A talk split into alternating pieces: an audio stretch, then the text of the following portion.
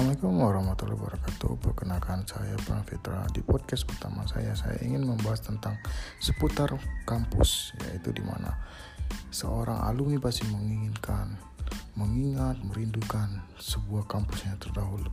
Di sini saya akan membahas seputar kampus Seputar dengan mahasiswa yang masih aktif Terutama mahasiswa yang bakalan tamat.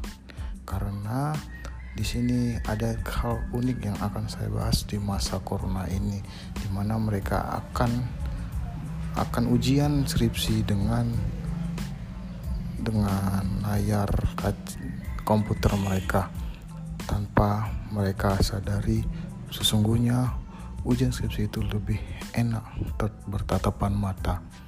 Mungkin sekian gambaran dari buku saya. Saya ucapkan terima kasih. Assalamualaikum warahmatullahi wabarakatuh.